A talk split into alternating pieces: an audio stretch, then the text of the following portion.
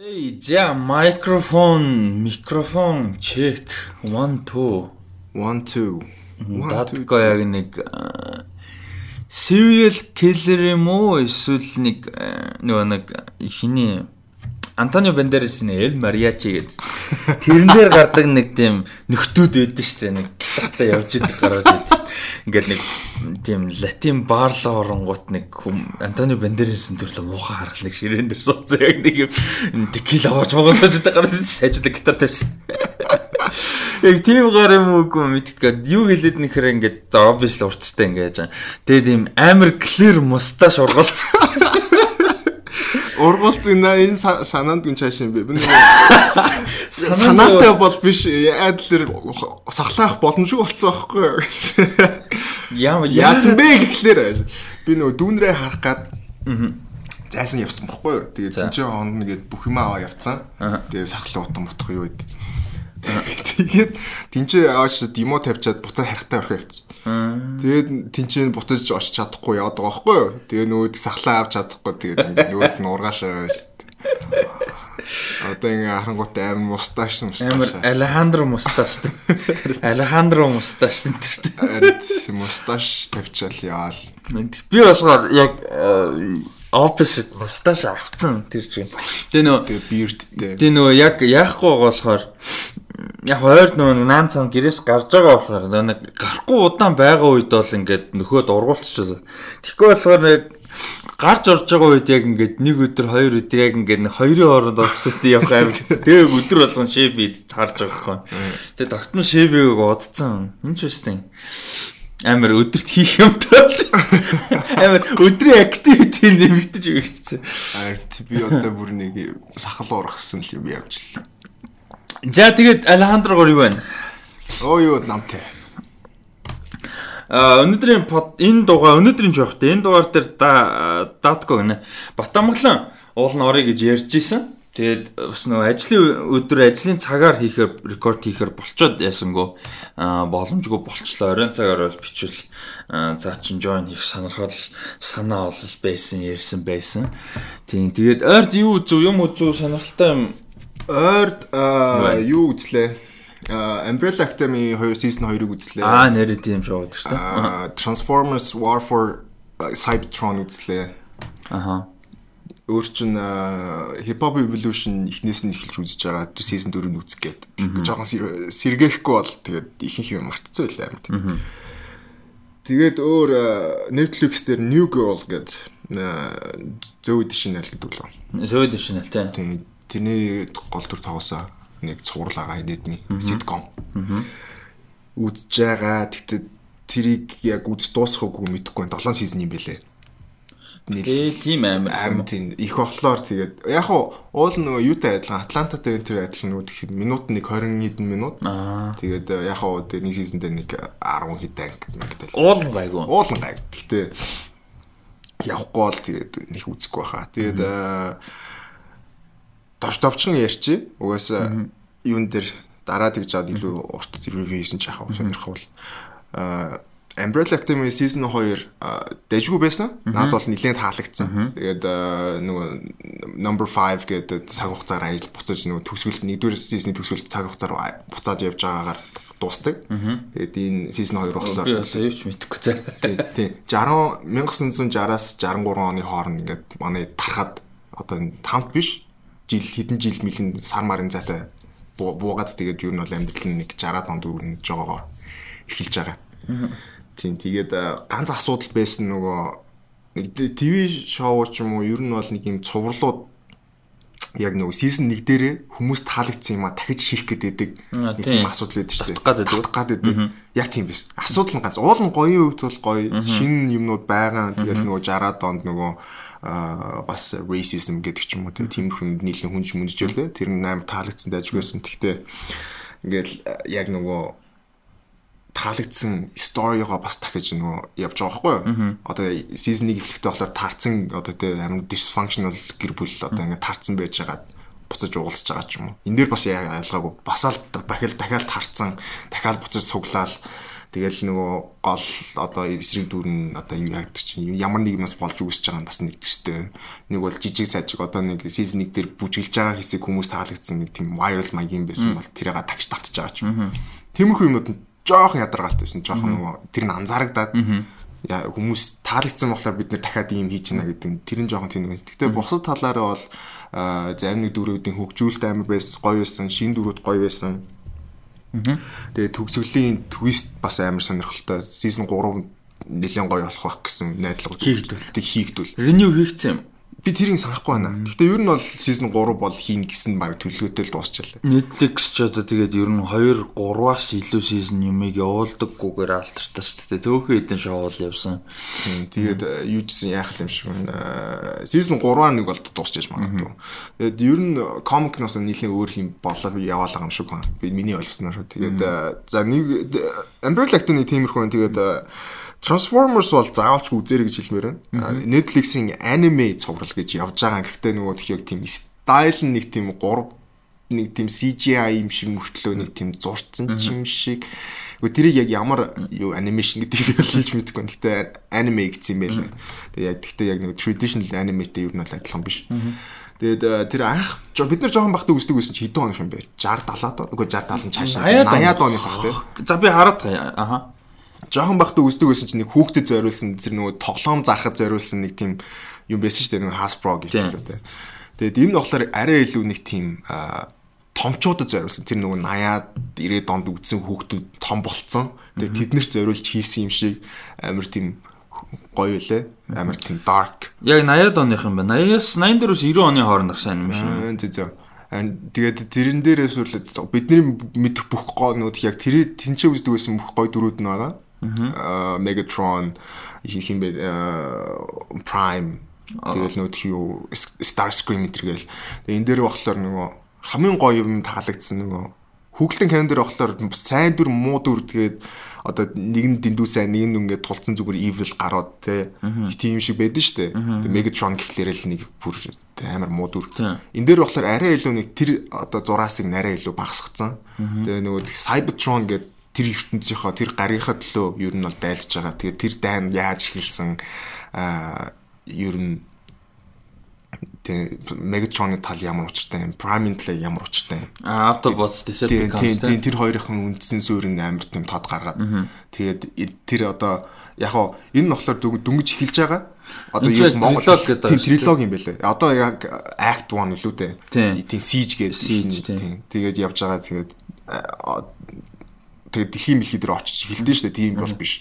Яг Cybertron яг дайн яаж эхэлсэн. Юунаас эхлэл маяг. Тэгээд тэрэн дээр болохоор ингээд тэр дайн дэндүү уртаа тэгээ урт урт болцсон тэгээд Megatron тэр дайнаас залхацсан. Optimus Prime тэрнээсээ залхацсан. Тэгээд энийг яаж дуусгах вэ? Гэт ер нь бол тэгээд дээрэс нь Bumblebee энэ төр чинь манад Autobot биш юу. Тийм тусдаа дүр ингээд нэг тийм scavenger маяг ингээд нөгөө юу energon энэ төр цуглуулаад зарж март. Тэгээд тэр яг ертөнцийн аймаг гой гаргасан байлээ. Баг бас зөвхөн хоёр тал байдгүй те.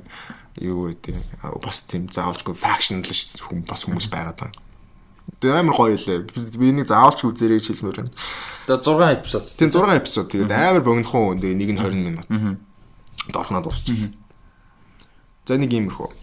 Би юу яасан? Аа Daredevil season 3 үзсэн. Holy shit. Oh my god тэр нэг юм яха MCU ч гэжтэй зөв Marvel Netflix MCU гэхээр нэг тийм техниклийн мөртлөө нэг хамаагүй. Marvel Netflix шоунуудаас as far as I can remember яг санаж байгаагаар бол бүр хамгийн сайн season байсан. Тийм. Бүр Daredevil season 1 Тэгээ Jessica Jones хийснийг нэг амар шүү дээ. Тэгээд энэ дээр дээрээс нь oh my god гөр амар шүү. Гэтэ яг хуу бас нөгөө нэг асуудал яг хуу төгсгөлдөө нөхдүүд цаашаа нэг сизон хийнэ гэсэн айдиатай байсан. Тэгээд дараа нь цуцалцсан.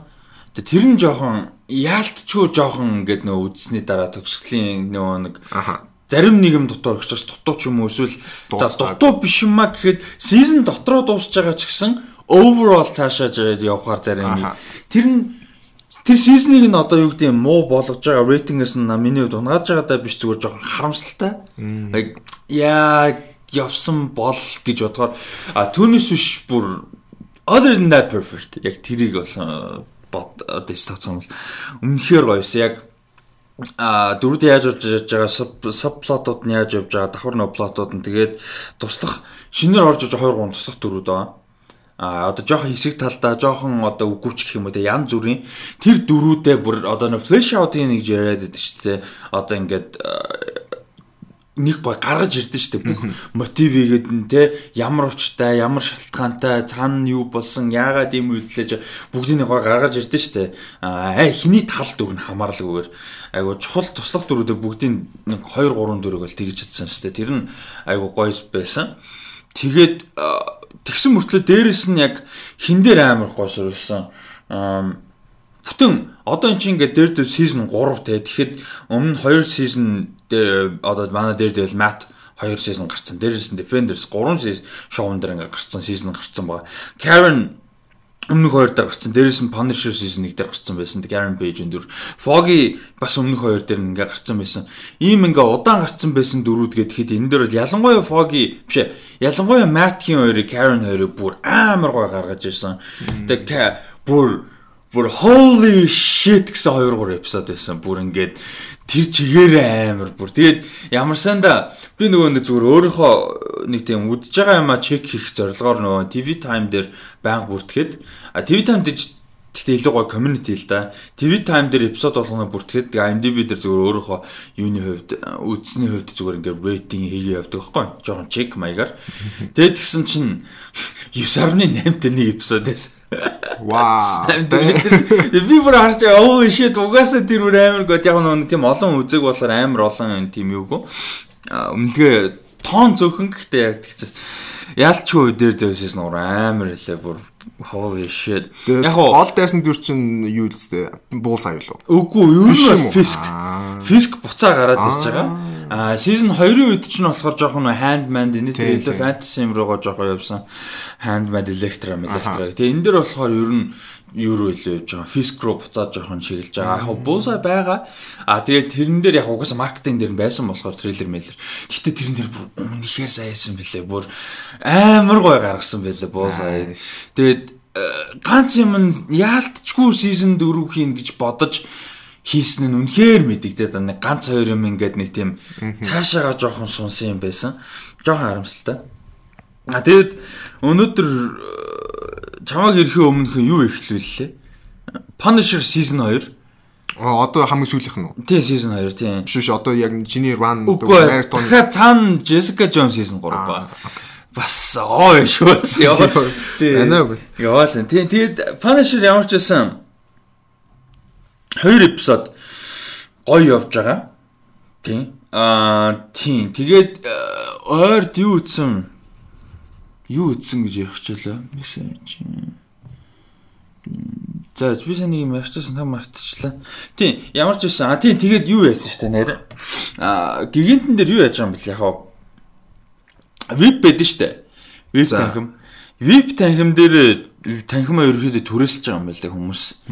Аа Netflix, Amazon Prime юу гэдэг те юмнаас үзэх яг хуу энүүхэн эндээ ярихад манай подкаст сонссон тийм амар олон.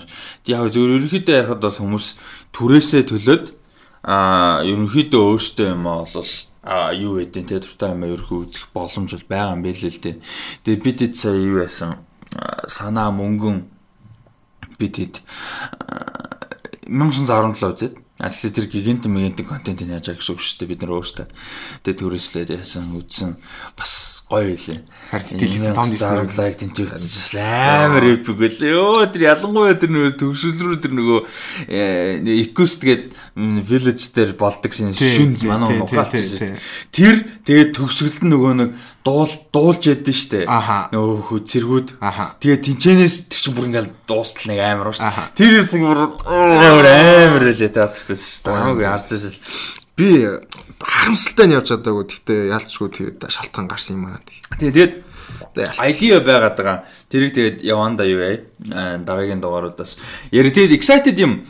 Одоо энэ хасанаас аврал лиг эхэллээ. Вуу! Аврал лиг одоо эхэллээ. Өнөөдөр Европа лиг эхэлсэн. Аа өчтөр Интер Милан юу хоёр United хоёр хоёулаа хожицсан ийм байдалтай байгаа. Тийм баха надад өглөө нөгөө юу ирсэн бохгүй Notification ирсэн. бохгүй би тэгээ Manchester United нь одоо ямар тод юу ихэлчээд ингээд юм бол аа окей окей окей Шахтар Донецк Wolfsburg-ийг хожоод Копенгаген Истанбул Башакшехирийг хоцсон. Тэгээд United Lask-ийг хожоод Австрийн баг баг шүү. Тэгээд Интер Хетафыг хоцсон.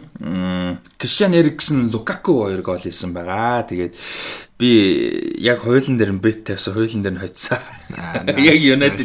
Шахтар Шахтар дээр тавих гээд яасан бэ? Шахтар ч өмнө хоцсон байсан болохоор тэгээд бас нэг сүртэй тоглохгүй зүгээр энэ тоглолтондоо тэнцэж магадгүй гэдэг нэг жоохон хайцсан. Тэгээ орчихсон маа. За өөр чин Тийм ээ, тийм тэрнээс өөр нэг юм үзэг яг дээр дээр чаалч 13 эпизод юм тэгээд тэрийг л үзсэн Хөө байна. бас 13 Ер нь юу штэ Marvel Netflix show ч бараг бүгд 13 штэ. Яг хоо Iron Fist season 2 10 а тэгээд э, Defenders 8. Тэгээд бусан бүгд 13 баг. Тэгээд бас жоохон чанга яг үнэ. тэгэхээр чангал Тийм. Яг э, юу бол Iron Fist season 2 бол яг хуу асуудал ихтэй ч гэсэн 10 эпизод бол болоод байгаа байхгүй. А Daredevil season 1 бол 13 нь гайгүй байсан. Ер нь богс нь жоохон мэдэгддэм юм а. Тэгэд юу бол гоё илээ. Punisher ямар ч гэсэн гоё эхэлж байгаа. Өө би бас нэг юм үзсэн юм биш үү би Bad Boys for Life үзсэн юун дээр орсон байсан э Netflix дээр Аа, орсон тэгээ Э, надад амар таалагдсан амар гоё ш надад бүр амар гоё таалагдсан Nice.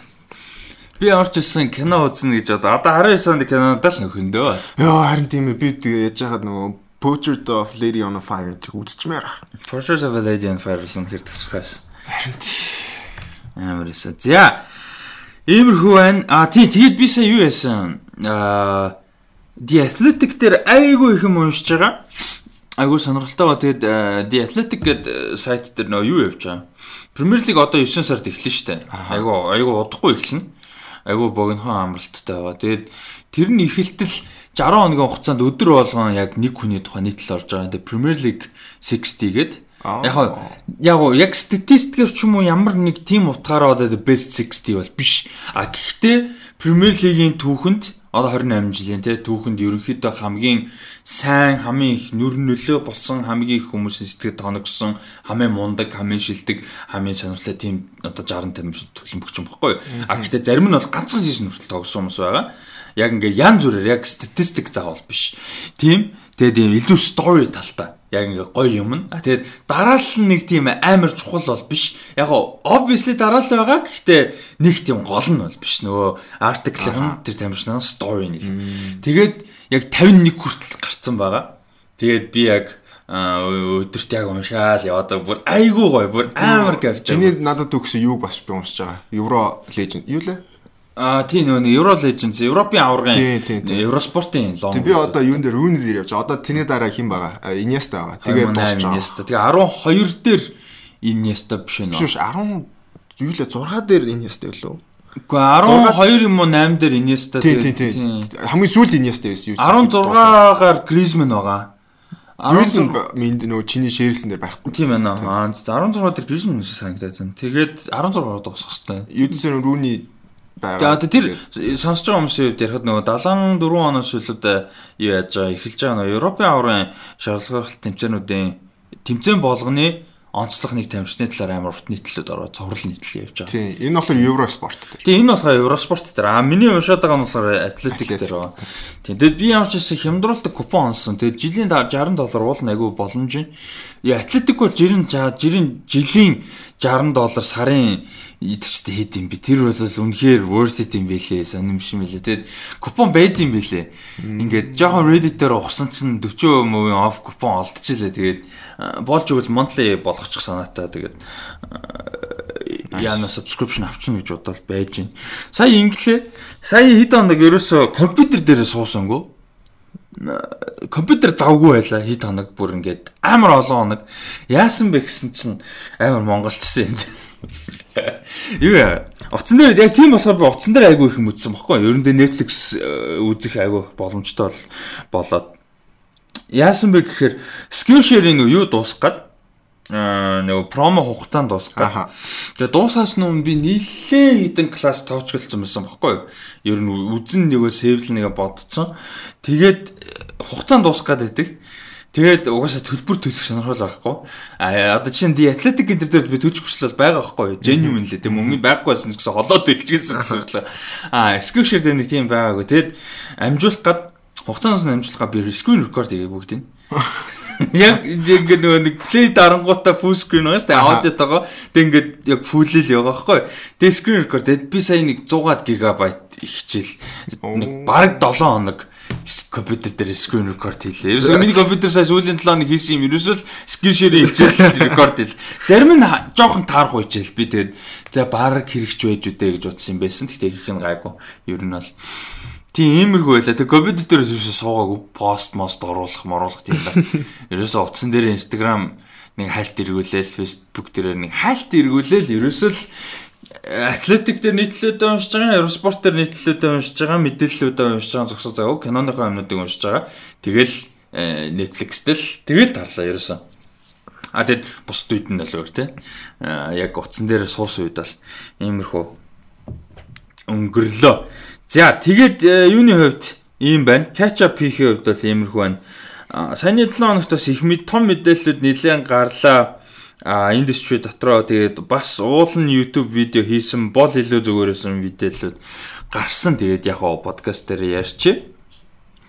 Тийм. Өнөөдрийн дугаард нэг тийм амар урт дугаар болохгүй бах тийм. Ямар ч байсан сэдвүүд нь айгу товчгоо тодорхой гэхдээ сонирхолтой сэдвүүдтэй. Ер нь илүү специфик ярих боломжтой гэсэн. тийм дутаа ярих боломжтой гэсэн нэг сэдвүүд дээр. Сайн Tenet-ийн IMAX TV spot гарсан юм байлээ. Тэгэхдээ энэ нэг тийм амар шинэ Тийм, юм байна. юм Зүгээр ID and IMAX гэсэн л ID-гаа өгөх тийм. Тийм байсан. Тэгээд Tenet-ийн release date бол international болцоод байгаа. Тэрийг бол ярьсан. Тий. Аа ерөөхдөө нэлээд олон орноор нээлттэйгээд Америкт нэлээд хоцорч нээлт нэлээд ч явахтай хоцорч нээлттэй их санаатай байгаа юм байлээ. Тэгээс ч өөр аргагүй болж байна. Тэгээ дээрээс нь сонирхолтой юм гэх юм бол Tenet одоо юу Damrol энэ айгүй их яриад байгаа. Ерөнхийдөө Hollywood Reporter Variety энэ төр дээр ч гэсэн ярьж байгаа юм нь юу вэ гэхээр одоо энэ нөгөө энэ юуных Warner Bros-ын ч гэсэн өөрсдөө ярьж исэн. Release тактик байгаа шүү дээ. Од- Одоо сүүлийн хэдэн жил бол ерөөсөө 7 7 нэр алцдаг байсан шүү дээ. Нэг 7 хоног болоод нэг 5 кино гарч яадаг тийм. А тэгээд нэг Greatest Showman ч юм уу Jumanji энэ шиг кинонууд нэг удаан гарч яг гайгүй жадсан. Гэхдээ ихэнхдээ ер нь бол амар хурдан мөнгө олоод буугаал ингээл яваадсан. А одоо болохоор ер нь хуучны релиз э, одоо тактик руу яа- буцаж орох гээд байгаа байхгүй тийм. Юу гэхээр айгүй удаан гардаг. Ингээл гараа л гэдэг те ингээд тийм нэг чинь тенетик бол яг тэгж гарна гэж яг юуны яг хин нөлөөдөө яг э, ярьсан байсан л та. Айгу удаан гарч таарнаа те ингээд хуучны release structure л ерөөхдөө орох бах. Айгу удаан гарч таарах бах те нөө өрсөлдөх кинод нэгдүгээр баг нэгдүгürt бага хоёрдугаарт илүү удаан гарч иж тодорхой хэмжээний орлогоо олох хүмүүс бас байнга үзэх те. Иймэрхүү нөхцөл бүрдүүлнэ гэсэн байсан. Тэгээд тэнэт ер нь тэгж таах гад байх шиг байна. Тэгээд яг одоогийн байдлаар бол New Mutants хэвээрээ байгаад байна. 8 сарын 28-нд хамгийн ойрхон гарах хуваартай байгаа кино. Гэхдээ тэг хэр баталгаатай яг хэр жинхнээсээ байх юм бага мэдгүй. А Америкт бол тэрнээс өмнө нэг кино байгаа. Нөгөө юу гээд Antebellum гэх кино байгаа. Нөө Жанел Мөнэ тогсон трейлерын талаар ярьжсэн шүү дээ. Нэг тийм аимшигын чимшиг кино байсан шүү дээ. Тэр бол яг хаа байгаа. А яг globally жоохон том кино гэх юм бол New Mutants байгаа даа. За дараагийнх нь болохоор 9 сарын 3-нд а HBO Max дээр орох Raised by Wolves гэдэг одоо юм цуврал гарч байгаа юм байна. Энэ цувралын трейлер гарсан байсан. Тэгээ энэний талаар энэ нэлээд шуугуул тренди нэг тийм сошиал медиа дээр нэлээд тренд болсон. Трейлерийн хувьд бол Twitter дээрс нэлээд арай өрнсөн YouTube дээр YouTube гинэ Facebook дээр ч гэсэн хүмүүс бас манай кино групп мөп дээр нэлээд яриа яриа өрнсөн. А тэгээ Ridley Scott-аар нэлээд нэр барьж байгаа. Гэхдээ Ridley Scott шууд оролцоо байхгүй зүгээр нөгөө босгоход нь л оролцсон гэх юм уу да. Яг creative оролцоо бол байхгүй. Ийм шинжлэх ухааны зөгнөлт юм сурлаа. Энэний трейлер ч яваад ямар санагдав? Санаа нь ямар санагдав?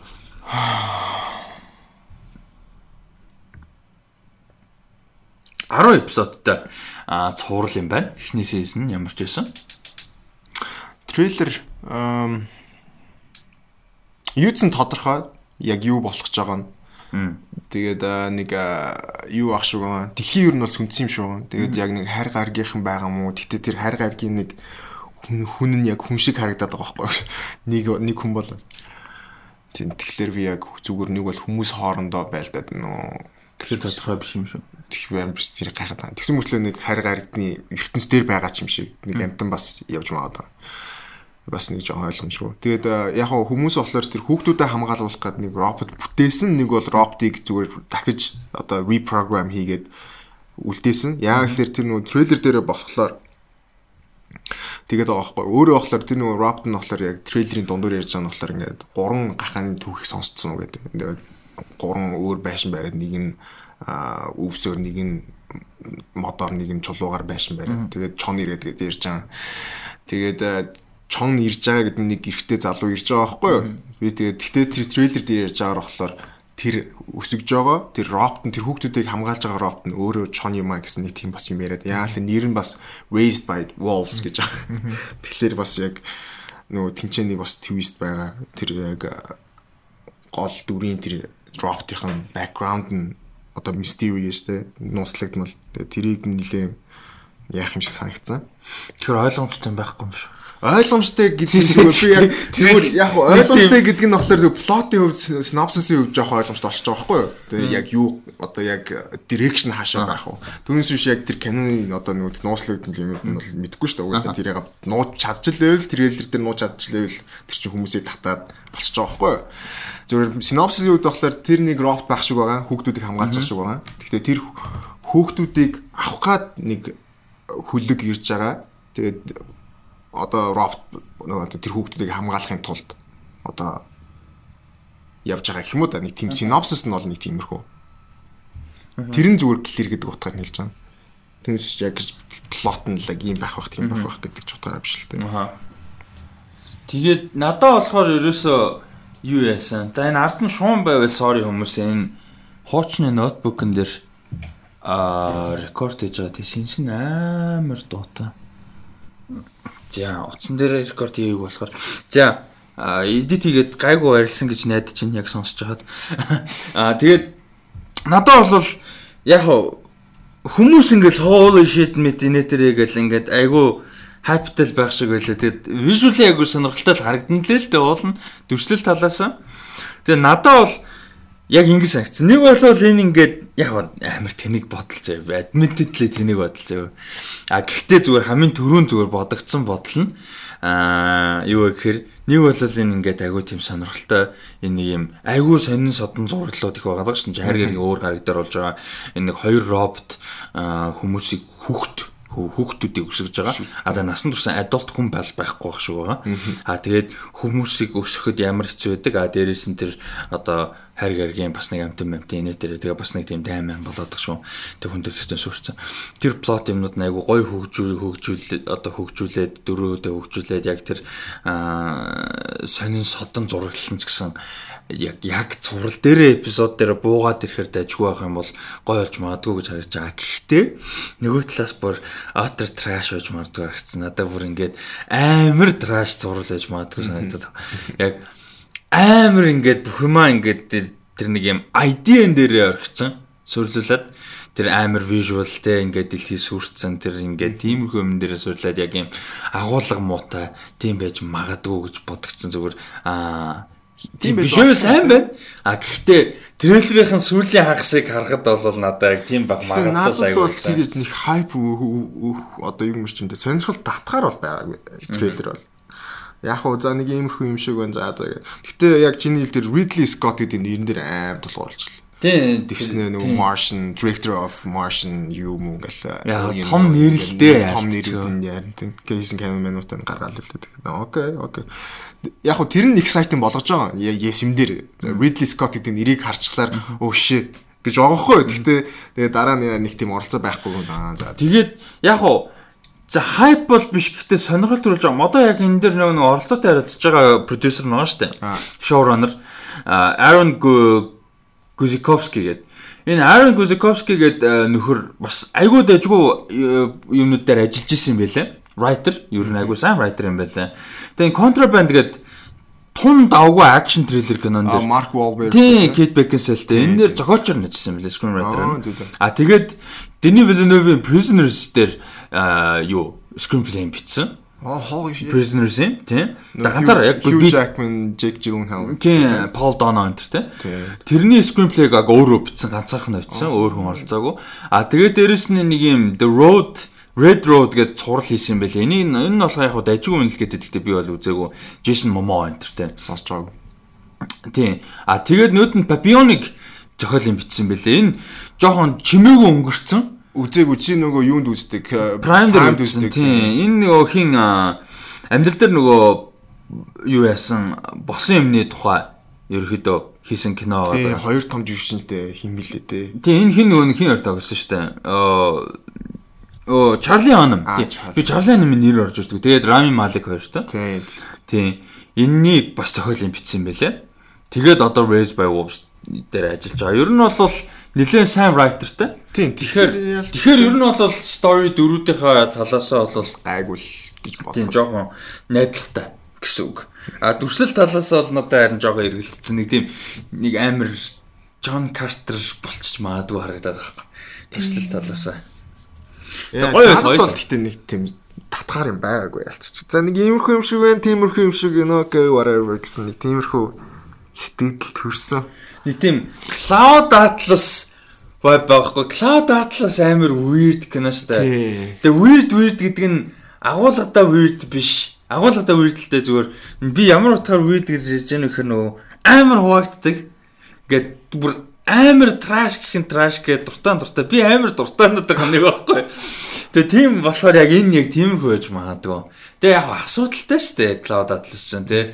Тэгээ асуудал нь үгүй гэж байгаа юм биш гэхдээ зүгээр нэг тийм таалагддаг. Гэтэ why тийм за за. Ам Тийм байна. А тэгэд энэ нэг өнөөдрийн битэрийн подкаст хийж байгаа нь цаг нь жоохон буруу таарч байгаа нэг юм байна. Юу гэхээр I'm thinking of ending things гэдэг нэртэй шин кино Charlie Kaufman-ын шин кино гарахаар болж байгаа юм байна. Тэгээд өнөөдөр бол уулын трейлер гарах юм байна. Тий. Тийм яг өнөөдөр гарна. Гэхдээ битэрийн одоо рекорд хийж байгаа цагт бол яг гарч амжаагүй байна.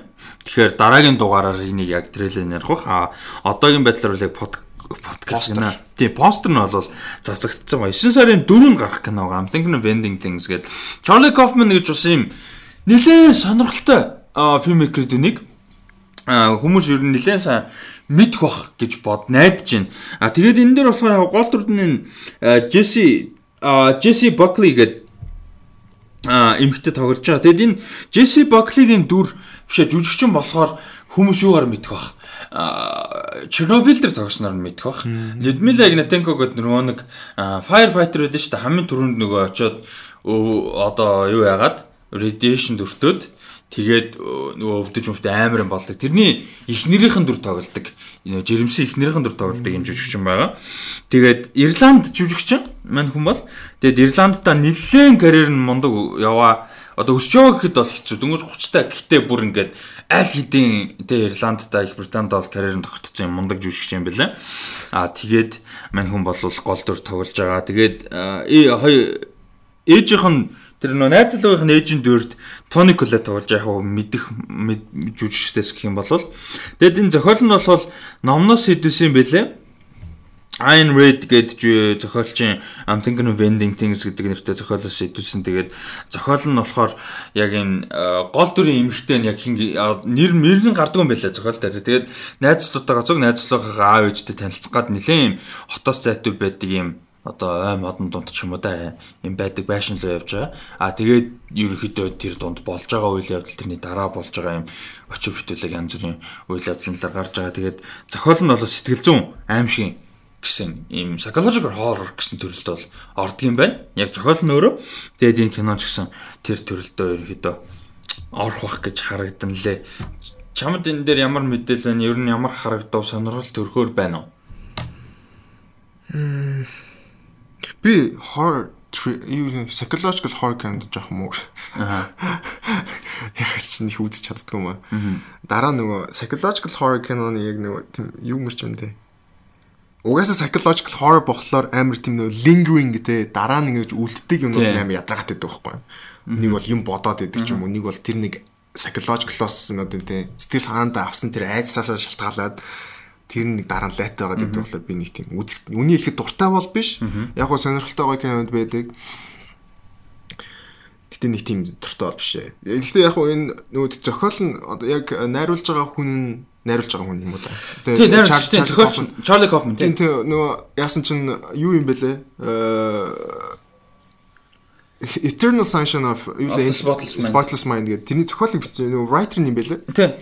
Тэгээд тэгэхээр бас амар уул нь бол амар мундаг байгалаа. Тэг бос канууд нөгөө Anomalisa гэдэг уул нь бол амар шилдэг кануудын нэг л яригдаа. Амар weird шүү. Харин тийм тэгээд Гэхдээ weird гэдэг нь хийц талаасаа түүнээс зохиол илэрхийлж байгаа юм weird юм юуч байхгүй. Амар realistic. Тэгээд үзээгүй л дээ. Гэхдээ яг амар мундаг мундаг канууд байгалаар бас яг сонирхол төрхийн үед бол төрж байгаа. Яг Netflix дээр гарч байгаа болохоор бүр амарх байхгүй. 9 сарын 4-нд тийм. Гэхдээ би яг үзэх үг мэдгүй. Би бол тэр өдөр нь бараг шууд үзэх бах. Тэгээ Charlie Kaufman аюу сонирхолтой writer юу л да. Writer тэгээд найруулагч би John Malkovich-ийг бичсэн. Adaptation гэдэг Nicolas Cage бас кино гэдэг тэрийг бичсэн. Eternal Sunshine of the Spotless Mind-ийг бичсэн. Synecdoche New York би тэр гэдэгтэй үзэж байгааг энийг аягүй сайн кино гэдэг Philip Seymour Hoffman-тай энэ киног зохиолын бичээд өөрөө найруулсан. А тэгээ Anomalisa-г зохиолын бичээд найруулсан. Энэ Anomalisa өөрөө stop motion animation. А гэхдээ энэ ерөөсө хүүхэд мөхт юм шиг яг adult. Тэгээд энэ нэг тийм юугаар явж байгаа а номынхоо туураар явж байгаа юм зохиолчийн талаар гарч байгаа амьдрал нь ерөөдөө жоохон юм гацалтанд орсон. Нэг тийм lost маягийн болцсон. Тэгээд юм writer юм tour хийгээ speech хийгээ явж байгаа. Тийм буудалд амарж байгаа. А тэгээд тийм чинь нэг юм эмгтээтэй танилцж байгаа. А тэгээд тэр эмгтээ нь болохоор бас kind of lost. Бас нэг юм тэгээд энэ хоёрын харилцаа юу болж байгаа яаж танилцж юу болж ерөөсөө яг тийм амар уудахтай санагдаж магадгүй зарим нэг үнд. Ягаад тэгэхээр энэ нэг тийм classical киноны structure plot мод юм байхгүй. It's kind of like ингээд stop motion хийгдсэн амьдрал үзэж байгаа юм шиг. Аа. Тэгээд sex scene минь таахгүй юу? It's weird. Ягаад тэгэхээр stop motion-оор яг жинк хүмүүсийг хийцэн тэгээд ингээд юм юм. Гэтэ яг юм амар realistic хийцэн тэгээд ийм диалогууд нь хоорондын нь харилцаа яг мэдээж тодорхой хэмжээний плот байгаа л та өрнөд явж байгаа ингээд өсөж байгаа. Гэхдээ нэг тийм тэр нь мэдэгдэх юм баг ингээд илүү удаан тайван өрнөлтөө нэг тийм юу шиг Рома. аа meditation шиг. Жинхэнэ амьдрал дээрх meditation шиг ингээд нэг тийм үзээд дуусгаар яг юм үзсэн юусэн санагдахгүй юу ч. Зүгээр бүх юм ингээд яг амьдрал дээр хөрсөн дээр бууж бодогдсон зэ. Яг ингээд амьдрал дээр ийм хүний орн байсан бол яг уу гэдэг ч юм уу те энэ дүр энэ ингээд нэг тийм хүн талаас нь л хүнд юм бодогдно. Яг юм үдсэн гэж хизээж бодогдохгүй. Тийм тэгэхээр Чарли Кофман талаас ингээд бодонгууд амар мундаг амар мундаг зохиолч байгаа байхгүй юу? Тэгээ яг ийм кино хийгээ тэгээд найруулж ингээд постерын хувьд бол ихтэй гоё ярьж байна. Амар гоё өнгөлөг. Өнгөлөг гэсэн л амар зүүн байгаа шүү. Тий нэг харагдчихлаа. Гэхдээ яг өнгөлөг гэдэг нь би зүгээр нэг colorful гэдэг нэг өөр үгээр шүү. Зүгээр яг тийм шууд утгаараа. Эма шиг colorful биш. Тий, эма шиг colorful биш лээ. Dark. Зөв literally олон өнгөтэй. Олон өнгөтэй. Хамтын тий. Би яг literally олон өнгөтэй гэдэг утгаар.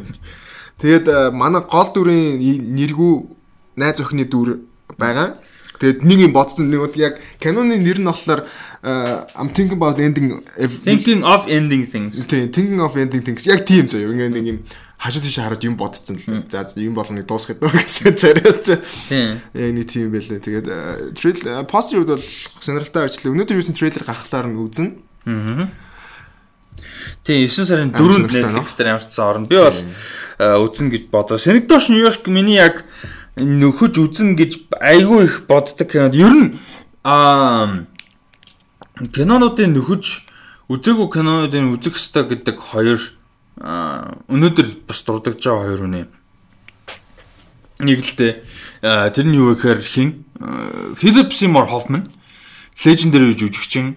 Гэхдээ зөндөө олон киног нь үзэж байгаагүй. Яг үнэ хэлэхэд. А тэгээ өнөөдөр бас ярих бах PTA Paul Thomas Anderson-ы бас хангалттай олон киног нь үзэж байгаагүй. Аа тэгээд Philip Seymour Hoffman тэрээр хийсэн The Master гэх киноос тэрийг ус үзэж байгаагүй. Хин тоглолт шүү дээ. Joaquin Phoenix, Amy Adams тоглолт байх. Amy Adams байдаг баха. Үзэж байгаагүй. Тэр жоохон тиймэрхүү харамсалтай үдчихэж байгаагүй. Гэтэ үзнэ. Аа иймэрхүү байна. Тэгээ thinking of ending things 9 сарын 4-нд гарах нь. Тэгээ манай трейлерыг бас үзээд сэтгэлдээ тухайд нь хуваалцаараа битээр дараагийн дугаараар трейлерыг ярих нь.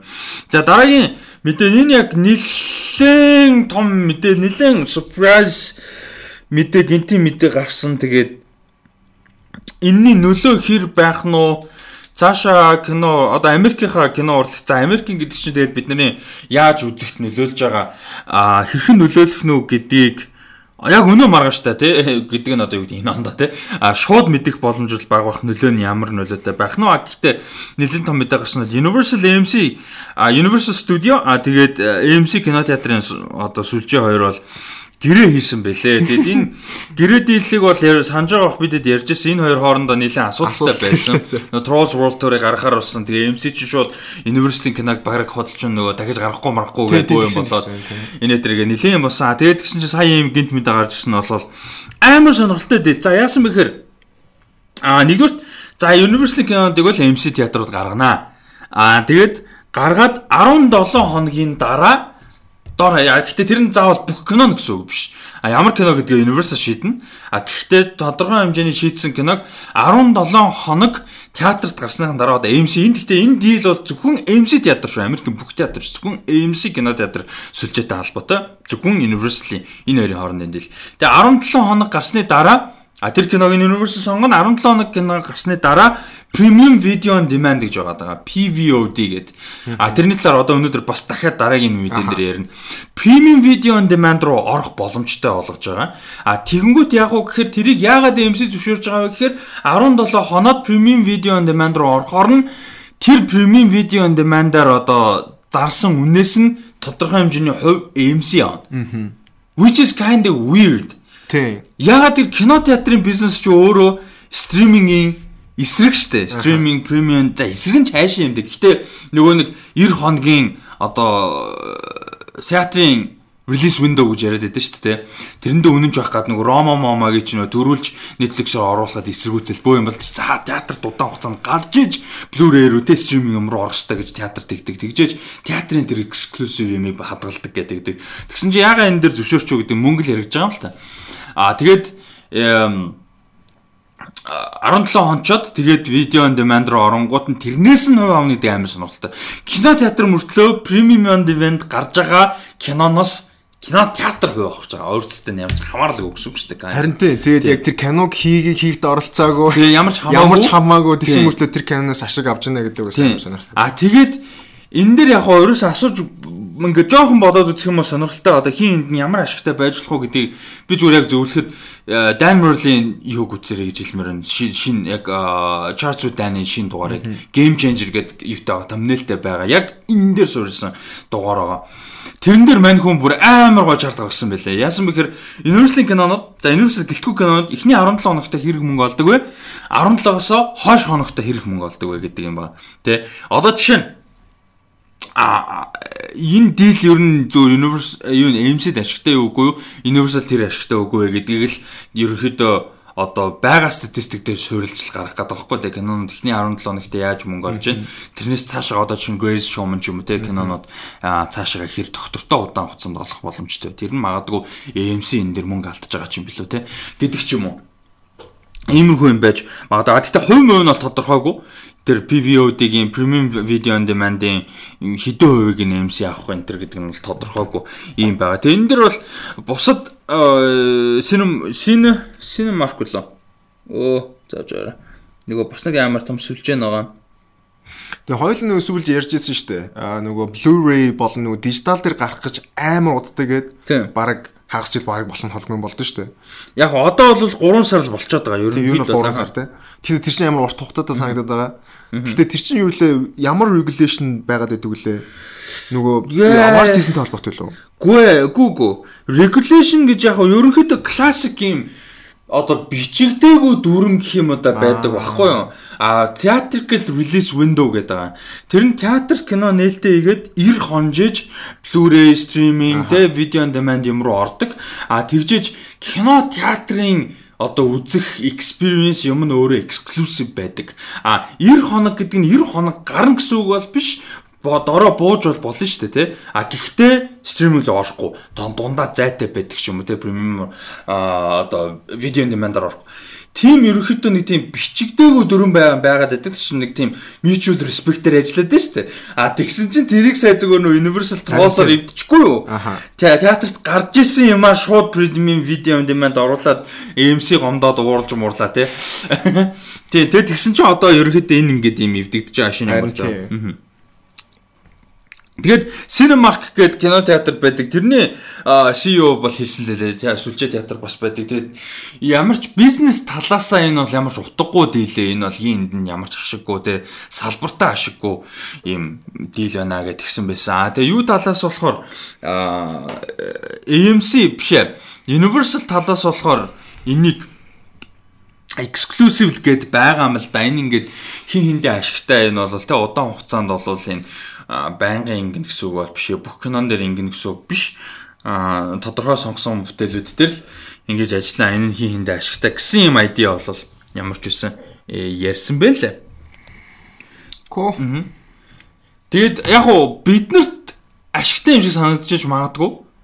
Юуны хувьд бол бол э, театрт гарахгүй шууд видео айгу удахгүй зарим кинонэл гэсэн л үг болчиход байгаа юм л. А гэхдээ нөө цаашлаа яваад ирэх юм бол нөө theatrical experience аваад эхэлж байгаа байхгүй. Ер нь бол театрт кино гарах нь багасна гэсэн үг.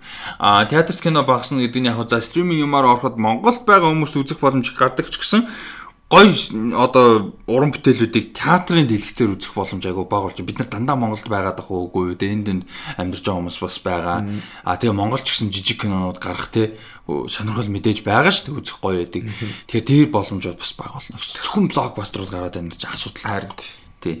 Тийм бас аа асуудал бол гарах нь байна. Тэгээ энийг ямар ч гэсэн нэлээд том дийл гэж бол харж байгаа. Ягаад тэгэхээр театр нь өөрөө 17 оноод шууд премиум видео on demand руу орох нөхцөлийг нөхцөлтөө дийл хийнэдээ өөрөө агүй санаатай. Тэгээд аа тэнчэнээс театр нь хувь аавна гэдэг бүр харин л айгүй weird те театр тэнчэнээс орлого авна гэхээр айгүй сонирхол байна шүү дээ.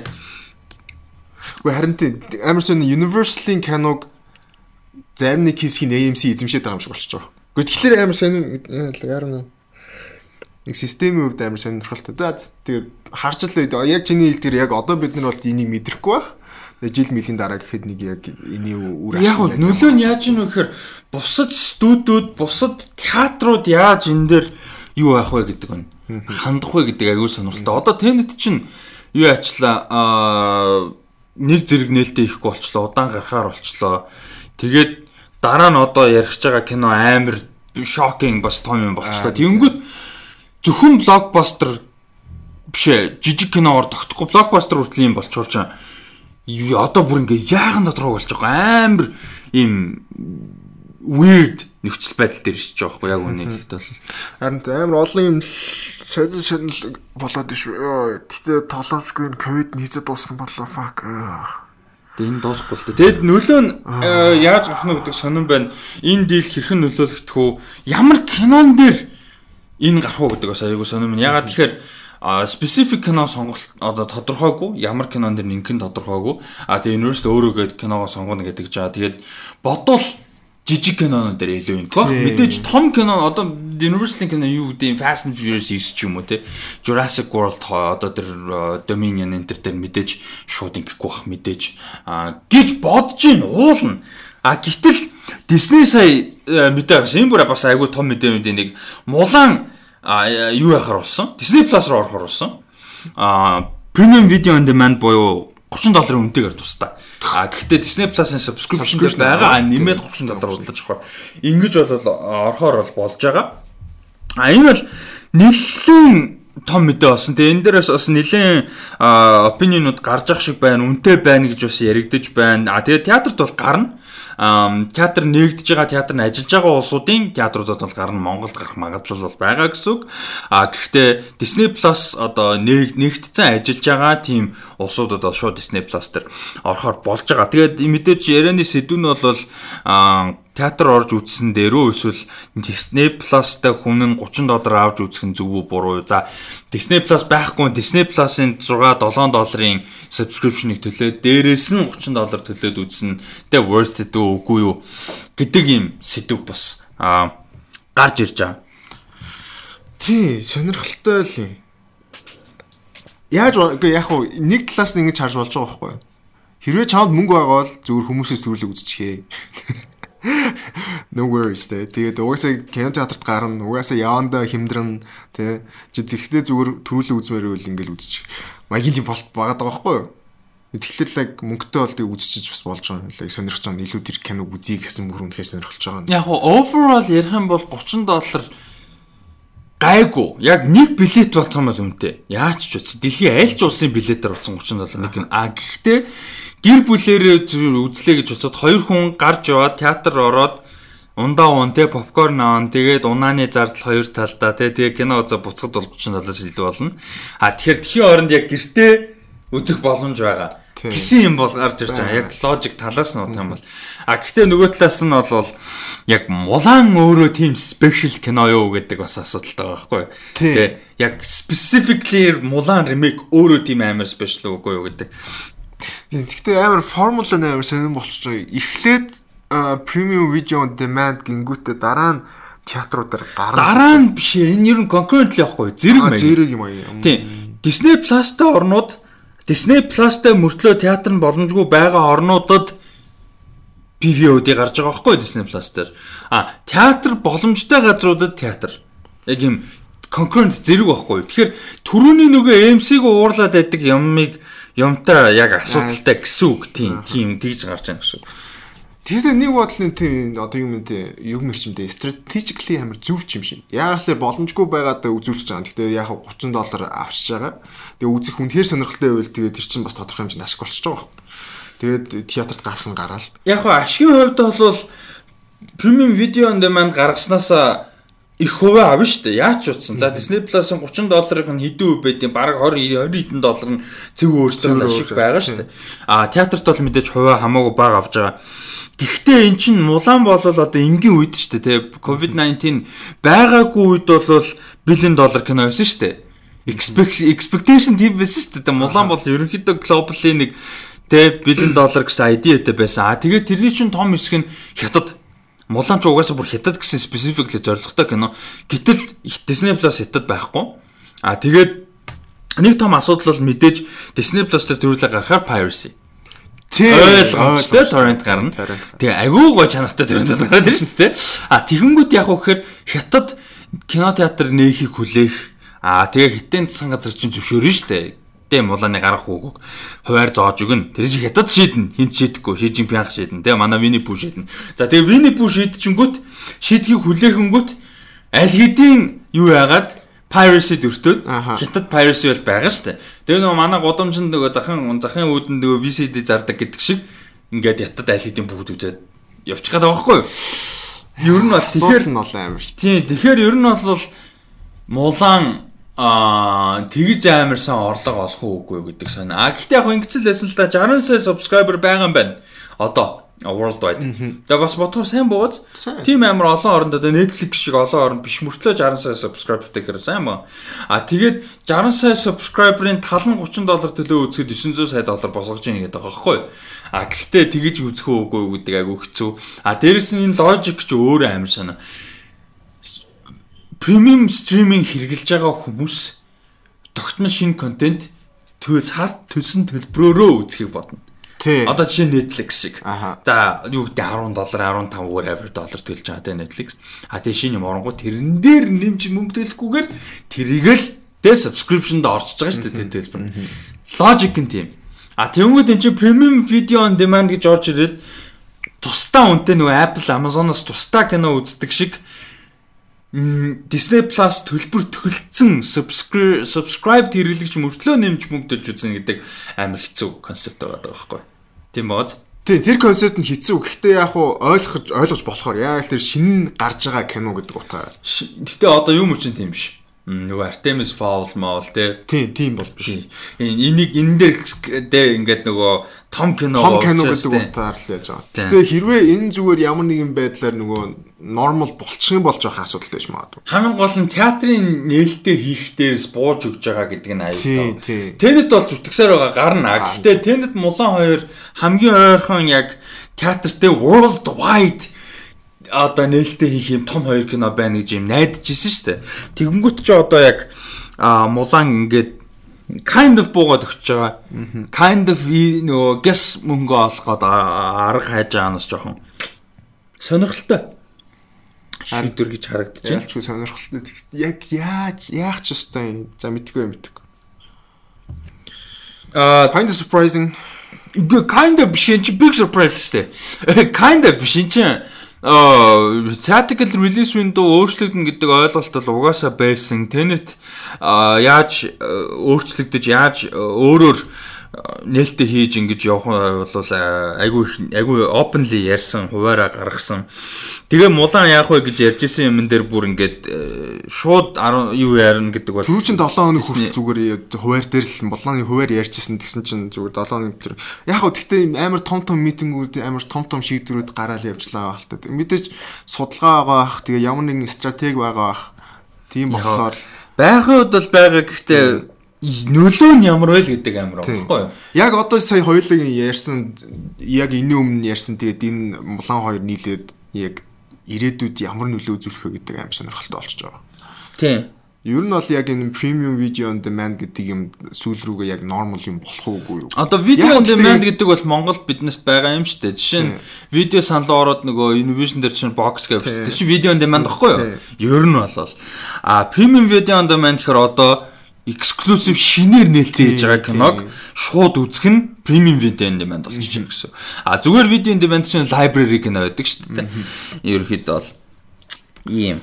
Тэгэхээр яг digital одоо яг video on demand аа юу мэрч юм дээ. Нэг тийм exclusive ли илүү дээр кинонууд юу юм дээ амар сонин сонин ойлгомж ойлголт аваад нэ. Фак. Гэтэ энийг гэтэ normal болгооч нь ха- ер нь барыг болохгүй хаа.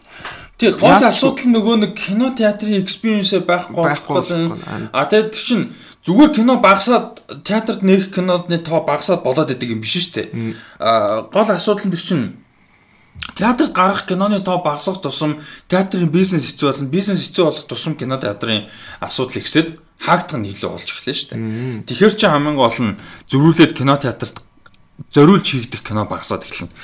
Тэгээд кино болгон стриминг рүү зарагдаж чадахгүй шүү дээ. Тэр ч бас амар асуудалтай болоод эхэлж байгаа. Харин харин тийм. Тэгээд доо жижиг дундаж кинонууд хамгийн гол нь гарах нь багсан. Тэр чинь амар том асуудал шүү дээ. Бас нөгөө талаас тий. Дандаа блокбастер байгаад ажиллахгүй. Аа тэгээд блокбастер мөртлөө одоо ингэхэр чинь бүр асуудалтай. За тэгээ энэний нөлөө хэр авах нь уу цаашаага явах уу гэдэг их сонирхолтой байна.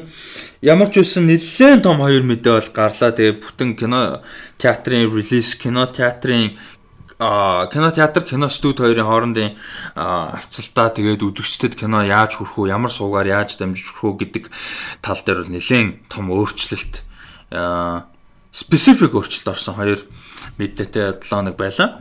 Тэгээ тэгээд дараагийн мэдээ энэ сонирхолтой мэдээ байгаа нөгөө нэг энэ жил гарах хөстэй байсан, гарах хөстэй байгаа. Нилээн одоо хойшлоод яваад байгаа. Энд чинь юу вэ? Сүүлд дахиад нэг хойшлцсон байсан юм аа. Аа Candyman гэх кино байгаа. Хиний Jordan Peele продюсер ажилласан. Тэгээд энэ нөгөө нэг э, Rooney Ridley- the second лөө. Тийм Яя Абдул Матен the second тоглож байгаа. Тэр нөгөө нэг хин э, түрүүний Ridley Scott гэдэг шиг нөгөө нэг Jordan Peele, Jordan Peele, Jordan Peele гэдэг манай дөр продюсер ажилласан те. Аа ийм кино бол 10 сарын 26-нд гарахаар хойшлцоод байгаад уулан зун гарах байсан. Тэгэд энэ дээр найруулагчаар ажилласан Nia da Costa гэж уран бүтээлч Captain Marvel 2-ыг найруулахаар болж байгаа юм байна. А бас их сонирхолтой. Тэгээ Captain Marvel 2-ын а өмнөх киноны одоо 1-р ангийнх нь хоёр а, уран бүтээлч бол ажиллахгүй Nia da Costa зохиолчоор нь биш ээ найруулагчаар нь ажиллахаар болж байгаа. Тэгээд зохиол дээр нь болохоор яг Marvel Disney-тэй ерөөхдөө ойрхон тогтмол ажиллаж байгаа Megan McDonald гэж э, эмэгтэй бол зохиолын бичгээр болсон юм байна. Тэгээ мань хүн болохоор а, WandaVision-ы story editor гэдэг дээр нь ажилласан юм байна. Тэгээ яг би story editor гэдэг хүн яг юу хийдгийг яг шударга хэлэхэд би хэлж мэдэхгүй байна. Яг story-н дээр нь яг screenplay-н биш одоо story-г нь үндсэн үйл явдлын гэх юм уу да. Тэгээ яг нарийн screenplay ш үйл явдлын ажилласан юм шиг байгаа. Би тэгж ойлгож байна. А тэгээд Captain Marvel-ийн одоо шинэ юг зохиолыг нь бол бичих юм байна. Тэгээ Nia Da Costa-гийн хувьд болохоор Tessa Thompson, Lily James хоёр тоглосон. Little Woods-гээ 18 онд гарсан. Би яг тэг киног тухайн үед нь амар ярианы сэдв болж ирсэн санаж байна. Энэ киног бол найруулсан. Тэгээ энэ кино тухайн үед нэлээд хит болж исэн айгүй өндөр үнэлгээ авч ирсэн. Tribeca кино фестивал дээр нээлттэй хийгээд тэгээ ерөөхдөө чимээгүй алга болцсон л доо. Энэ кино нь өөрөө. А гэхдээ Neon distribute хийсэн. Тэгээ Neon ч өөрөө айгүй reputation сайтай тэгээ одоо E24 тэгээ Neon STX энэ ч айгүй гой гарч ирж байгаа инди дистрибьюторууд. Тэгээ энэ киноны киноны уран бүтээлчээр бол ажилласан. Тэгээд шин бас юу болох нь нэлээд томоохон бажеттай уран бүтээл дээр ажиллах эмхтэй уран бүтээлч болох нь байна. Тэгээ одоо Chloe Zhao юун дээр ажиллаж байна Eternals дээр те. Аа тэгээд хин нөгөө Birds of Prey найруулагч юм бэлээ. Бас Birds of Prey дээр эмхтэй найруулагч ажилласан байгаа DC-ийн. Тэгээд энэ том бажеттай кинонууд дээр эмхтэй уран бүтээлчд бас нэлээд орж ирж байна. Энэ бас гоё юм. Тэгээд аа Little Woods болохоор триллер жанрын кино байгаа. Тэгээд триллер жанрын кино кинон дээр ажилласан юун дээр Captain Marvel 2-ыг яаж уур амьсгал оруулах нь гэдэг бас сонирхолтой байна. Тэгээ Captain Marvel 2 нэгээсээ илүү сайн кино оосаа гэж найдаж байна. Нэг болвол яг орлого олсон нь бол айгүй тийм anomaly болцсон шүү дээ. Чин тэр бум 2 300 сая олсон. Тэр нь бол end game hype явцсан гэж би боддог. Одоо хүртэл би тэгж бодож байгаа. Яг Captain Marvel сайн кино байсан да бол биш. Одоо шин Black Panther бол кинон сайн да. Infinity War-ын hype тодорхой хэмжээнд байсан. Гэтэ тэрнээс илүү ийм Black Panther өөрөө бүр ийм cultural social worldwide phenomenon тэ дахиж ийм олон үзэх юутай тэ сонирхолтой хүн олон ингээд яриа их гараад хүмүүсийг үзэх хүсэл их төрүүлсэн юм байсан. А Captain Marvel бол ерөөсөө нэг тийм яг юуны л хайп надад авцсан. Endgame яг өмнөх кино байсан. Яг хүмүүс яг нэг тийм MCU кино хүссэн байсан, яг дутцсан байсан. Тэгээ тэрэн дээр нь л явцсан юм шиг надад санагдав. Тэгээд Marvel муу кино бол ерөөсөө биш. Зүгээр сайн биш. Зүгээр л зүгээр л окей кино. Тэгээ ягаад ч муу бол биш. Гэхдээ зүгээр л амар окей кино ёо. Тийм, яг тийм. Яг амар амар окей кино. Тийм байна. Тэгээд Neo da Costa ямар ч Littlewood-ыг үзэн дээ.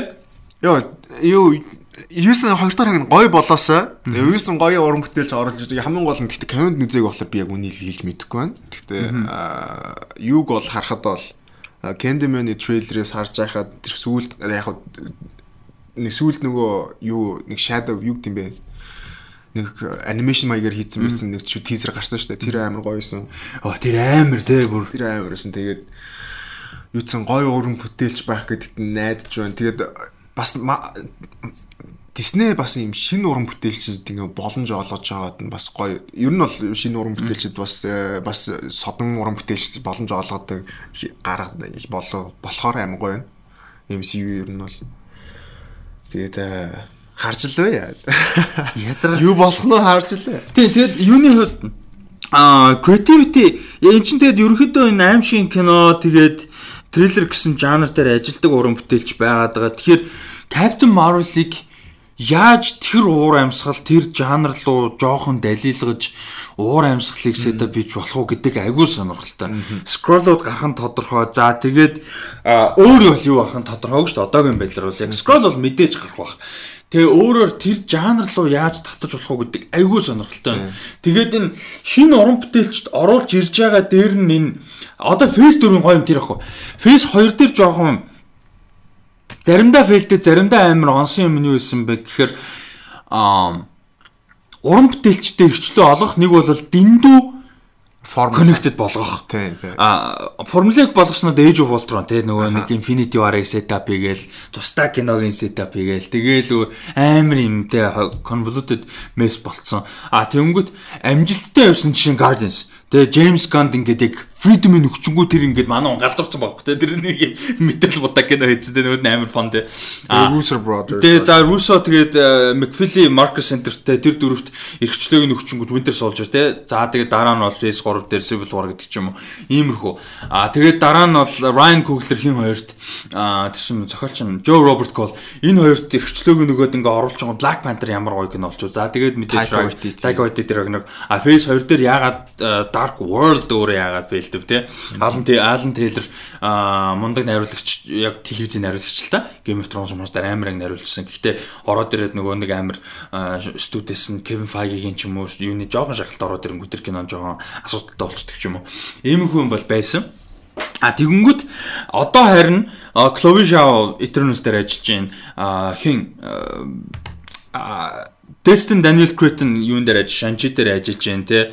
Тэгээд possibly Sam Raimi яа энэ ер нь жоохон асуудалтай одоортол нэг тийм official confirmation-гүй Sam Raimi-гийн ганц information-ээр Doctor Strange тийм интервью дээр л яваад байгаа шүү дээ. Doctor Strange дээр байгаад байна. За тэгээ James Gunn өөрөө Guardians 3 хийхээр болчлоо.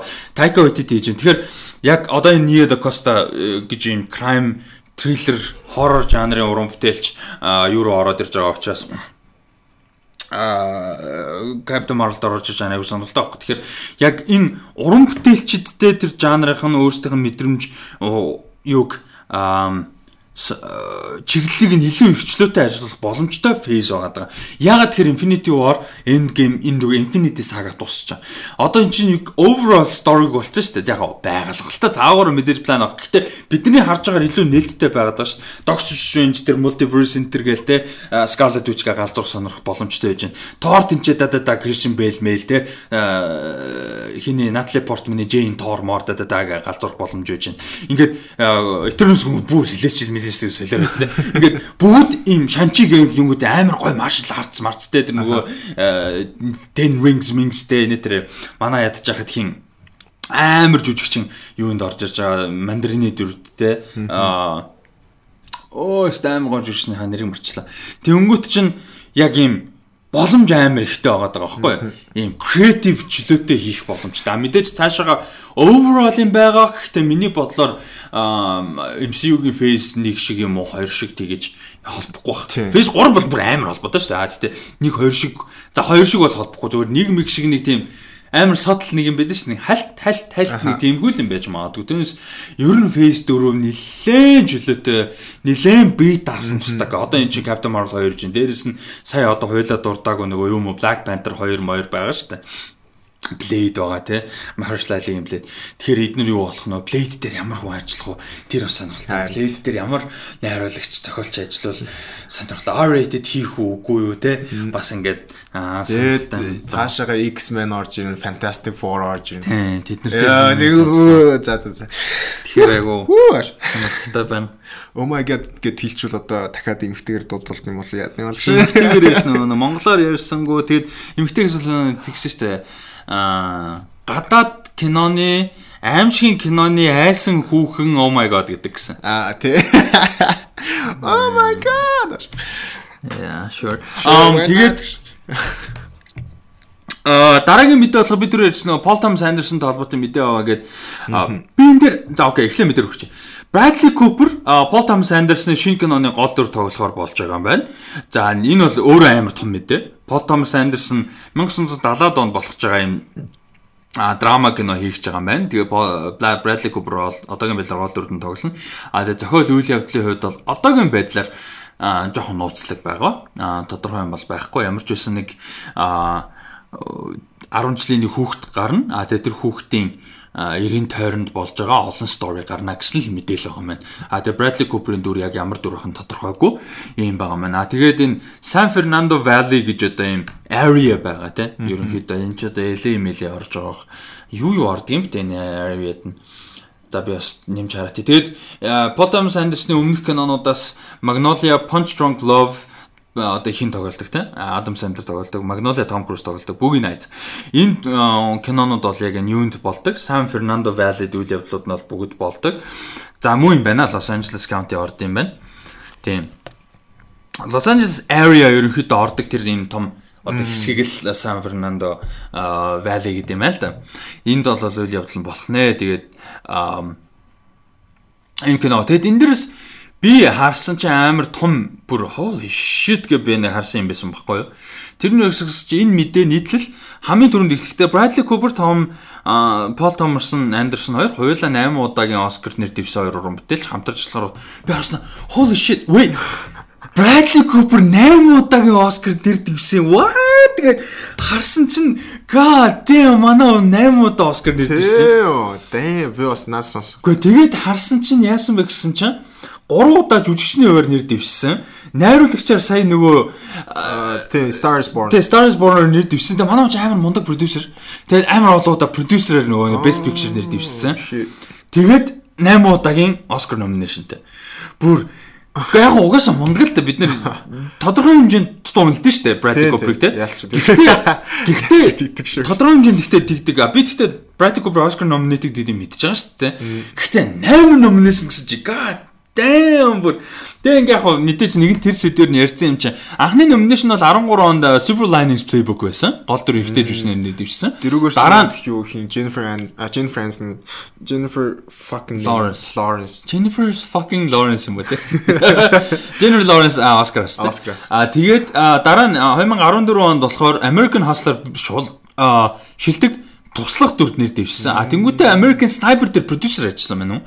Тэгээд Best Picture нэр дэвшсэн. А тэгээд өөрөө гол дүрдэн тоглоод гол дүрээр нэр дэвшсэн. А тэгээд A Star is Born дээр өөрөө найруулад, өөрөө зохиолын бичээд, өөрөө гол дүрдэн тоглоод а А sorry найруулагчаар нэр дэвшээгүй. Тий найруулагч нэр дэвсэн бол дөрвөн төрөл нэр дэвшвэсэн. А продюсераар ажилласан учраас шилдэг кино, найруулагч а биш ээ. Яа fuck ингэ сонсож байгаа хүмүүс амар толгой ирмээр буруу ярьж байгаа. Star is Born-оор Продюсерийн хуваар шилдэг кинонд гол дүрийн хуваар шилдэг гол дүрийн жүжигчин тэгээд шилдэг зохиол сэтгүүлсэн зохиол гэдэг гурван төрөл нэр дэвшсэн. А найруулагчаар нэр дэвшээгүй. Нэр дэвшнэ гэж айгүйх яригдчихсэн. Хэр дээр хэрвээ нэр дэвшсэн бол нэг киногоор дөрвөн төрөл нэр дэвшиж байсан. А тэгээд Joker дээр Best Picture нэр дэвшсэн. Яг гэх манай продюсер ажилласан. Bradley Cooper нөгөө нэг хин юутай амар ойрхон ажилласан шүү дээ. Martin Scorsese энэ хэд чинь Todd Phillips энэ хэд чинь. Тэгээд Martin Scorsese сүүлдээ бүр болонгуудаа нөгөө Todd Phillips-ийн хоёр чинь амар хамтарч ажилласан.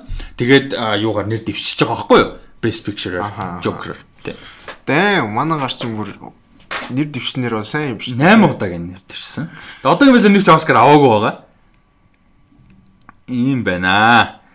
Тэгээд Пол Томас Андерсны кинонд бас чи ямар кинонд дуртай байна? Тэгээд аа хиний Bradley Cooper-ийн гоо дуртай кино байна. Дуртай performance. За performance гэдэг кино гэхээсээ л. Bradley Cooper гэх юм бол надад яг толгонд орж иж байгаа бол шууд Hanger орж ирж байна. Аа юу бас амар гоё үдээ. Аа тэр чин би буруу санаад нүү зүг санаад нүү. Йоо Place Beyond the Pines тэр чинь байгаа байгаа байгаа. The Place Beyond the Pines дээр байгаа. Тэр саанд Ryan Gosling байгаа. Тэр Ryan Gosling бас байдаг те. Тэр саанд орчин юу бас гоё American Hustlers бас дэжгүй. Hustle Hustle дэжгүй. Гэтэ би яг тэр киног яг ойлгосноо би мэдэхгүй байна гэж.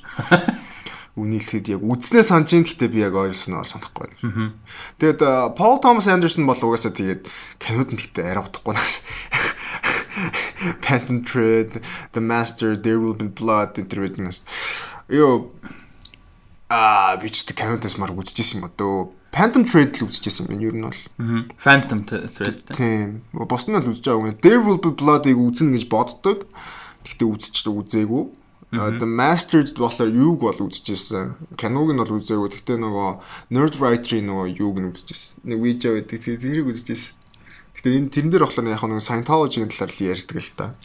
Тэгээ master-ийн талаар гэдэг Scientology тийм. Тийм болохоор яг үний хэлээ яг Phantom Thread юм да.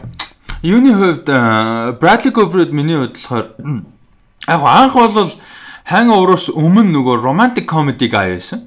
Ер нь бол. The romantic comedy-г би юугаар найгуу сайн мэддэг. Анх анх бол Wedding Crashers дээр эсрэг дүр байдгаар найгуу сайн мэддэг. Өө тэгээд нөгөө Limitless Limitless айгуу гоё кино. А тэгээд Limitless болохоор юуны дараа шүү дээ Hangover тий. А тэгээд миний хувьд Bradley Cooper-ийн амар underrated performance Rocket MCU. Ерөөсөө хангалттай ингээд нөө тийм перформанс нь мундаг гэж ерөөсөө яригддаг юм шиг санагддаг. Тэгээд Bradley Cooper гэж бид нэрээс боддгоо ш Rocket гэхээр Rocket нэг тийм character шүү дээ тий. Groot гэхэр бид нэр Vin Diesel мэдээд байдаг. Хөргөл тө Groot гоё. Гэтэл Vin Diesel гэдэг нэг тимтэй юм байдаг шүү дээ. Тэнгүүд Rocket гэхэр бид нэр зүгээр л Rocket нэг тийм баг амтан жүжигчин байд юм шиг. Тэгээ ингээд мартчихдаг шүү дээ. Хүн тэр перформансыг ингэж тэнгүүд тэр Bradley Cooper-ийн мундаг хөх гэж би боддог байхгүй. Brad- Bradley Cooper үнэхээр тэр Rocket гэдэг дүрийг бүр ингээд амар биднээс суутал амар гоё ингэж voice performance хийсэн. Хийсээр ирсэн, хийсэрч байгаа. Тэгээ тийм болохоор Bradley Cooper-ийн амар underrated performance тэгээ мундаг performance-ыг би Rocket гэж боддог ямар ч байсан. А тэгээд юундын хувьд бол нэг тийм амар дуртай кино бол байгаагүй. Аа Star is Born бол. Тэгээд Star is Born үзээгүй бас. аа тэгээд Paul Thomas Anderson угаасаа legend.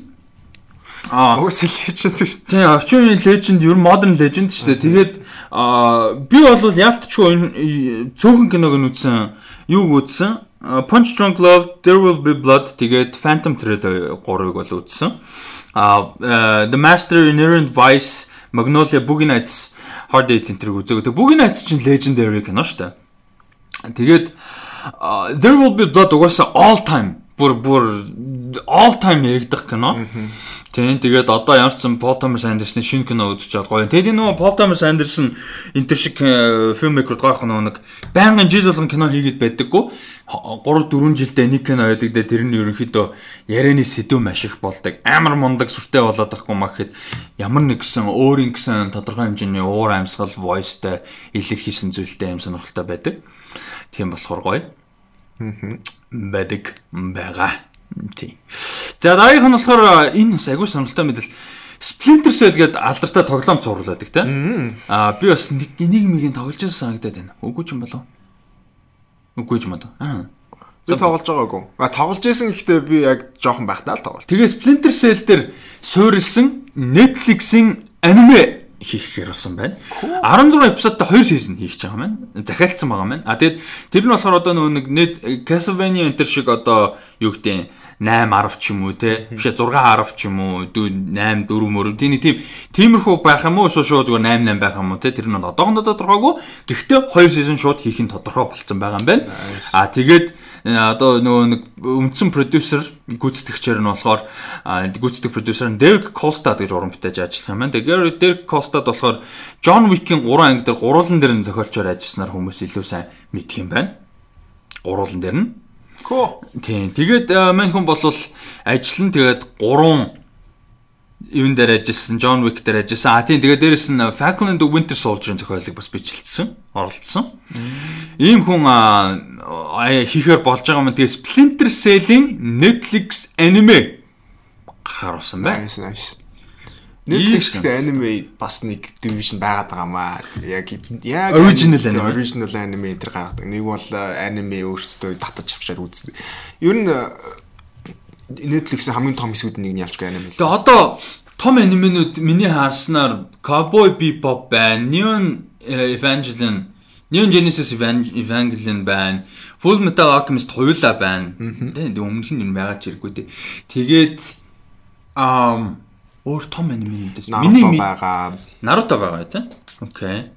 Тэгээ ямар ч сан нэлээд том анименууд бол зөндөө Тэгээ байна. бас нөгөө юу One Helsing Helsing One Helsing Helsing байгаа. Ер нь том том Vampire Hunter D байсан уу юу? Тэрийг бол анзаараагүй. Тэрийг бол мэдгүй. Тэгээ нөгөө High School D D&D гэж жоохон Attack on Titan байлаа. Attack on Titan байхгүй. Байхгүй хаа. Байхгүй байх би яг санахгүй байна. Тэгээд э, ер нь одоо шин шин юунд нь ч байгаа. Шин одоо аниме байн гардаг. Тэгээд шууд тийм болохоор сонирхолтой сонирхолтой зөндөө байд юм уу?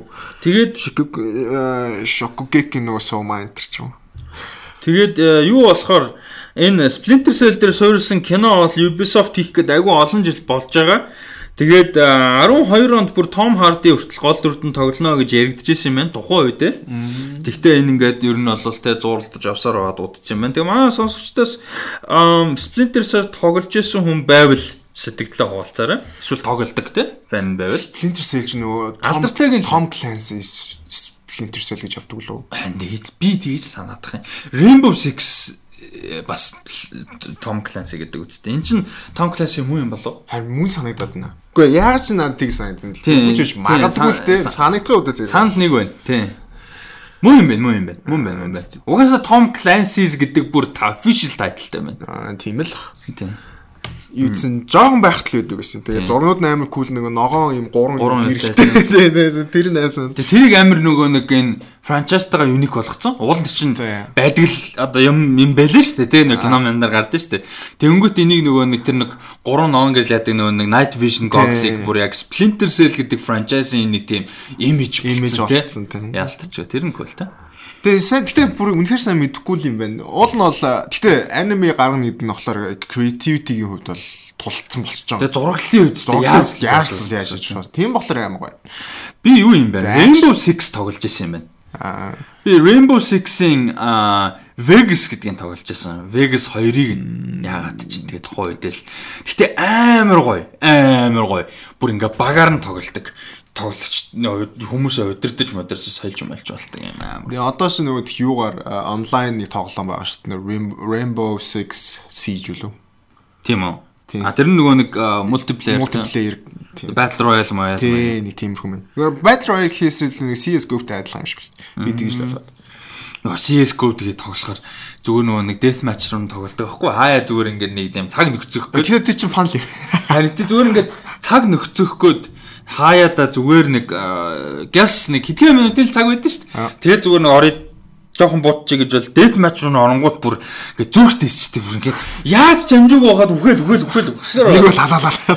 бүр амар бүр хурдан темптэй. Тэн дээр нөгөө дөнгөж төрсөн чинь нэг гар наваг оцсон зогссон юм шүү. Тий угаасаа төрж явахдаа харагддээ шүү дээ. Ингээд төрдөг газар нь отоод суужгууд ингээд сүүдэр ихлэ гарч ирээд тэгээ га- гараад ирэнгүүт нь шууд буудаад. Хоёр тэгж дараа шууд төссөн. Үү тэгээд. Би сүүл нэг форум ороод 20 дараалж алсан нэг ч хөхгүй. Nice. Тэгээд нэг э, нөгөө раунд нь дууссан чинь эхний дөрөвт төлөө тавд төлөө орж морс чаваас. Тийм. Тэгээ тэр тэр миний түүхэн амжилт говийн. Ерөөсө Counter Strike говийн бүр all time амжилт миний. Яг яг яалц юм яг нэг эсэр нэг нэг форум орчт юм яг нэг яг нэг гоё явцаахгүй. Тэгээд Nice. Тэр яалч үү Death Match гэхдээ яалчгүй бүр юу юм бэлээ зогсоо зээг юм бэ. арай л арай л амар юм байлээ бүр ёо бүр сандах юм байлээ бүр ингэ зүрхтэйсээ. Тэг яаж хаас айгу төрнө. Яаж жаад баг дайсан дунаа төрнө ачин ёо тэнгүүт заа заа гэж гүйж гүйж оруулсан. Өөр арга байхгүй юм л. За тэгээд энэ 7 өдрийн стриминг э, мэдээллийг харъя. Ямар цувралууд хэр явж байна? За Lucifer season 4 аа Оо нэр Lucifer Season 4 жоох тэ Lucifer гэсэн цуврал нь өөрөө. Тэгээ одоо 21 нөгөө нэг шүүлийн season гарах гээд байгаа. Тэгээ тэрнтэй бас аа, хамаарал хамаарад хүмүүсээс нэлээд нөхөж үзэж байгаа юм шиг байна. За тэгээд Doom Patrol HBO Max руу орсон юм байна. Тэгээ DC Universe хуулийн нь гарч байгаа юм. Тийм DC Universe яаж байлгаж байгаа юм сони энэ те. Яг хоо DC Universe гэхдээ зөвхөн юу биш л те. Цуврал биш нөгөө комик момик байдаг нь гоё л доо бүр бүтэн комик лайбраринууд юм лээ шүү дээ. Тэгээд Dark 7-д байна. 6-ад Umbrella Academy байна. За энд тэгээ чи нөлөөлж тэ. Харин Rating. чинь нөлөөлж байгаа нөлөөлж байгаа. Яалчгүй гэхдээ гэхдээ гоё ялаа гоё ялаа. Season 2-ыг үзсэн хүмүүс бас ихтгэлтэй хуваалцаарай. За 5-д нь Witcher явж байна. 4-д нь. Titans. 3-д нь Clone Wars сайн явж байна да Clone Wars. Хүмүүс нөхөж сайн үзэж байгаа хта дууссан болохоор Mandalorian 2-д нь за тэгээд Нэгт ойлгомжтой байлгүй дээ. ойлгомжтой. За надад бүр Аа хэлж хэрэг. хэрэгтэй бүр яа. Тэгээ заримдаа энэ analytics-ийг харахаар одоо хотлоо яагаад байгаа мó гэж бодмор ч юм шиг заримдаа. Харин тий. За тэгээд Netflix дээр хамгийн их хүмүүс үзсэн саяны 7 хоногийн кинонууд юу байна харъя. За 9-т нь How do you know энэ ямар их үздэг юм бэ? Энэ Reese Witherspoon-тэй. За 8-д нь Fatal Affair амар муу үнэлгээтэй триллер кино. 7-д нь Despicable Me, 6-д нь Dr. Seuss's The Lorax, Энэ дээр яага буцаад гараад. Харин. Тэгээ яриглаа л. Гэхдээ хүн хүүхдүүдээ л хүмүүс үзүүлээд байгаа хта. Бодвол тавд нь Yip Man 4, дөрөвт нь The Old Guard бууж эхэлж байна. Гуравт нь The Kissing Booth ийм кино байт юм билээ шүү дээ. Энэ хоёр нь гарч байгаа билүү? Хоёр нь билүү энэ чинь? Хоёр нь гарцсан сая. Тийм. Гэтэ энэ Энэ original гинэ. Харин тийм 2018 онд гарсан. ийм байдаг юм бэл. Тийм. Тэгээд Animal Crackers гэнэ үү? Ийм бас хүүхдийн Тийм шинэ гарсан. Тийм байна. Хүүхдийн анимашн юм байна. Би тэгээ Энэ яг хүүхдийн хөөргөнл family animation юм шиг байна. А тэгээд Kissing Booth шинэ нэг нэ. шинэ нь. Кисэм яалчгүй хоёр гарангууд нөгөө нэг нь хамтал ороод ирцэл юм байна л да. За Япон дөрвөгөө үзье да. Энд ч одоо бас нэгэнт юу Бүхэнгийн үзсэн Тийм нэгэнт л одоо үзсэн фрэн. Тэр Master Z гэ тэрийг үзнэ бас. Энд чи спин оффтай шүү дээ бас. А Монголд байхгүй юм шүү дээ. Юу? Япон дөрөв? Монголын Netflix таалаа. Харамсалтай яа.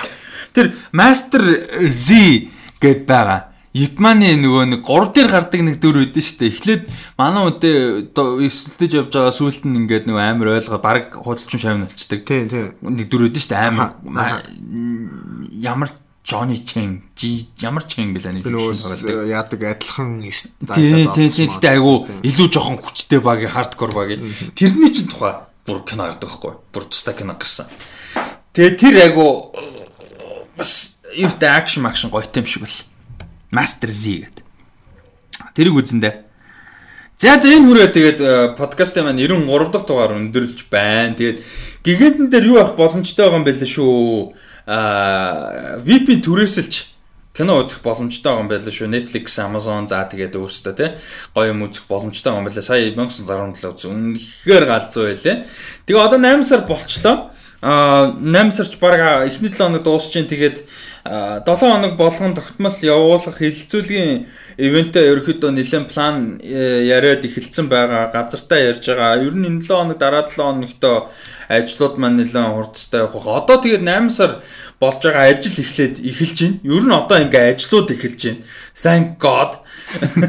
ажлууд эхэлж байна. Мөнгө төгрөг олох ажиллаж эхлэх нь байна. Тэгээ мөнгө төгрөгч гэлтгүү зүгээр жинкнээсээ ажил шууд утгаараа явагдахч боломж их болох нь байна. Тэгээд тэрийгэ дагаад мэдээж ивентүүд, Монгол ороош.